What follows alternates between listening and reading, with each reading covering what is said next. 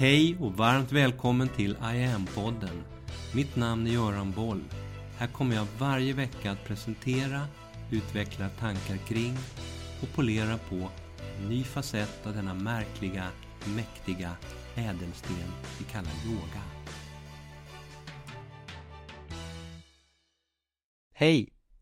Idag träffar jag ännu en av dessa kloka, starka kvinnor i alla åldrar som jag har samtalat med om livet och om yogan och som jag alla har ställt samma fråga till när det gäller yoga som det här århundradets viktigaste kompetens.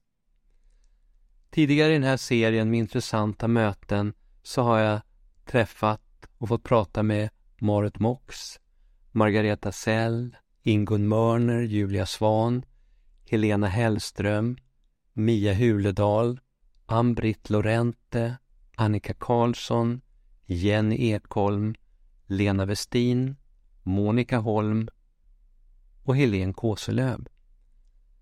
Den här veckan möter jag Kristina Bäckmar. Hon bor i Danderyd norr om Stockholm och kom till mig via Maria Wahlström, den sjuksköterska på Danderyds sjukhus som tillsammans med mig fick in medyogan som reguljär aspekt i den svenska vården 2010. Jag önskar Kristina välkommen, ber henne berätta lite om sin bakgrund. Vem är du? Hur ser tillvaron ut? Hur har hälsan sett ut genom livet? Och låter nu Kristina få berätta sin fascinerande historia. Hon säger så här. Mitt namn är Kristina Bäckmar. Jag är född 1940, pensionär sedan många år nu. Uppfödd på bondgård i Västmanland. Vi var en stor familj, fyra syskon. Jag är utbildad sjuksköterska, boende i Danderyd sedan 1969. Änka sedan många år nu.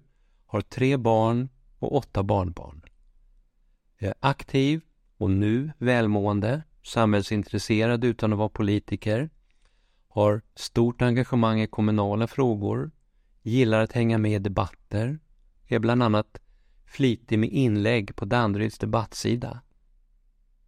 Jag rör på mig, motionerar dagligen, promenerar 5-6 kilometer minst varje dag. Det har blivit som en livsstil.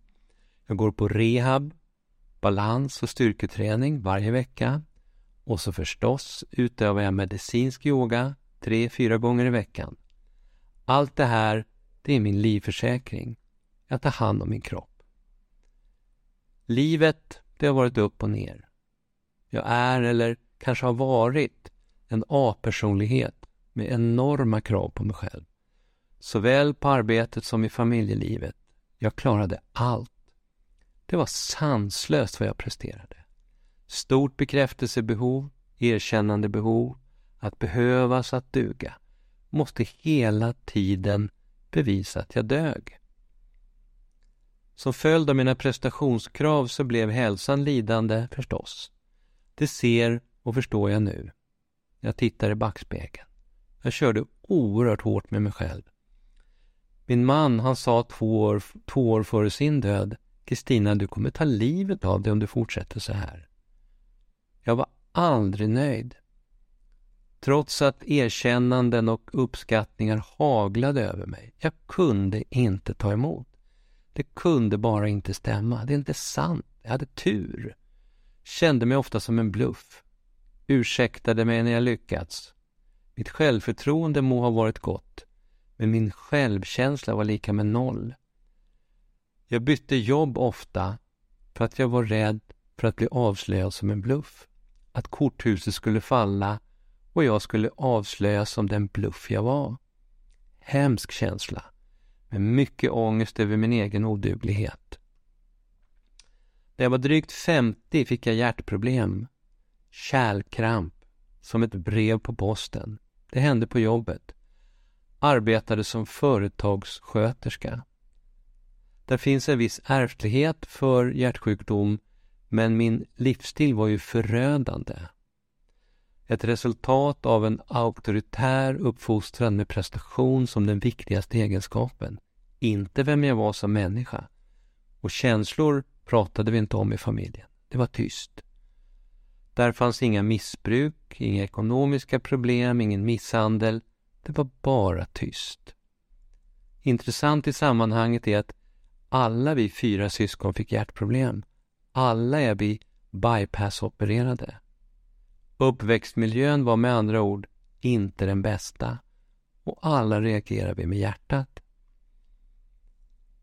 Min första hjärtinfarkt fick jag 2001 trots genomgången bypassoperation.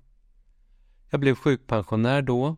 Hösten 2006 efter en resa till Nice fick jag min andra hjärtinfarkt. Inte så stor, men ändå.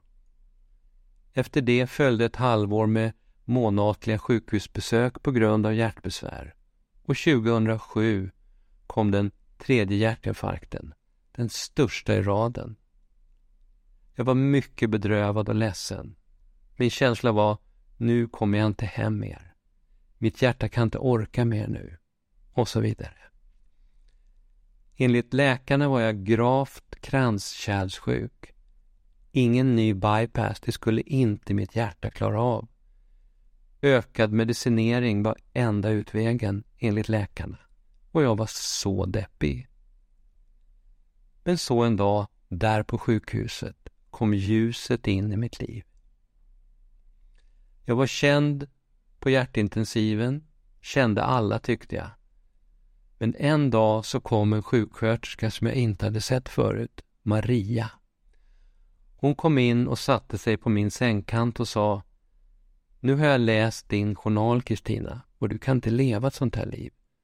Du borde börja med medicinsk yoga. Först var jag mycket betänklig. Visste hon inte att jag just hade haft en hjärtinfarkt? Jag såg ju veckotidningsyogan framför mig, power och rörlighet och ork. Det var vad den signalerade. Lite oseriöst av sjuksköterskan, tänkte jag där. Men hon frågade om hon fick lämna några papper om yogan. Ja, visst, jag är ju nyfiken och ville veta mer. Snabbt insåg jag att det här kunde vara något för mig. Jag anser att skolmedicinen behöver finnas, men jag hade mer och mer genom åren också börjat snegla på de alternativa metoderna. Maria som inte långt därefter började forska på yoga med Göran Boll för Danderyds räkning. Hon frågade om hon fick berätta för mig om Göran på hans yogainstitut. Så den första april 2007 hade jag min tredje hjärtinfarkt och bara två och en halv vecka senare, 17 april, så satt jag här hos dig Göran i din yogakällare på Gärdet i Stockholm. Och det blev den totala förändringen i mitt liv i riktning mot mitt nya, friska jag. Samtalet med dig upplevde jag som en gåva. Det blev så bra, så trovärdigt och intressant. Jag blev fullständigt övertygad om att det här var något för mig. Jag förstod hur mitt hjärta drabbas på grund av min prestationsångest. Hur hjärtat stängt av. Hur det skulle vara alldeles för smärtsamt att börja öppna upp där igen. Så började min yogaresa. Och det blev definitivt en resa. Djupt, djupt in i mig själv. Personlighetsutveckling av bästa sort och högsta kvalitet. Helt fantastiskt.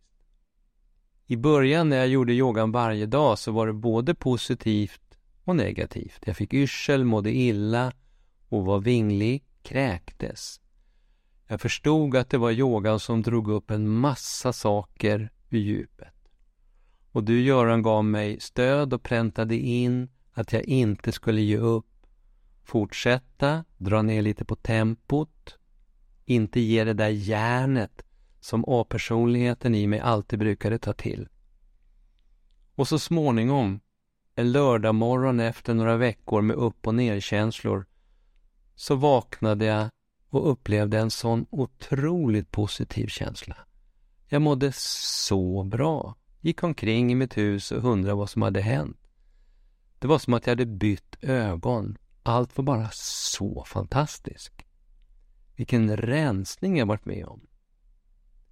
Yoga är verkligen ett fenomenalt verktyg för att rensa i den egna skiten eller gödseln som jag vill kalla det. Jag förstod att jag bearbetade gamla trauman. Jag upplevde att jag som med en hyvel skalade och rensade lager på lager i mig själv. Jag var aldrig rädd.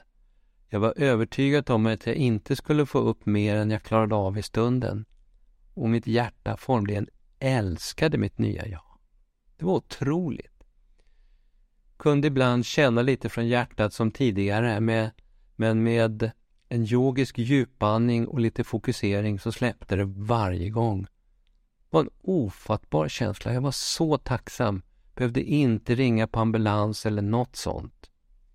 För mig blev det klockrent och glasklart att så mycket emotionellt som jag haft i mitt psyke att det naturligtvis också påverkade mitt hjärta.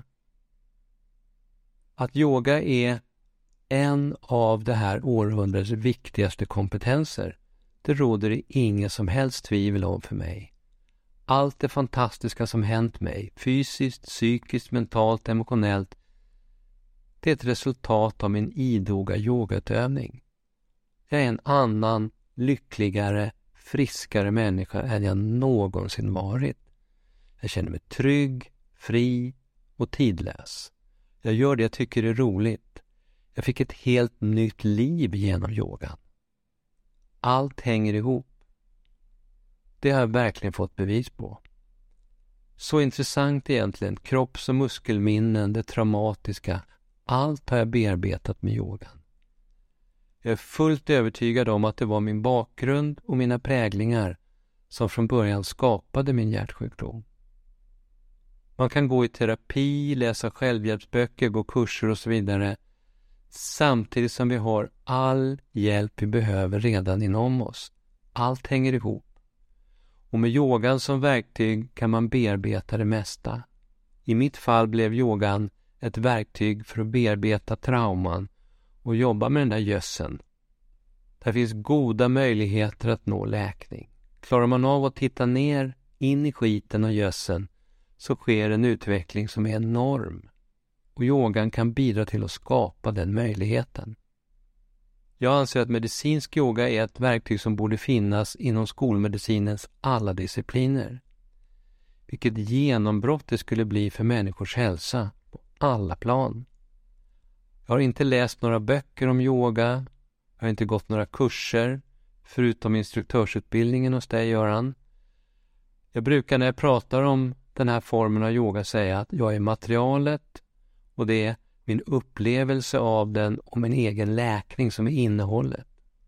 Och jag vet vad det handlar om. Jag har fått väldigt klara, entydiga bevis för det här.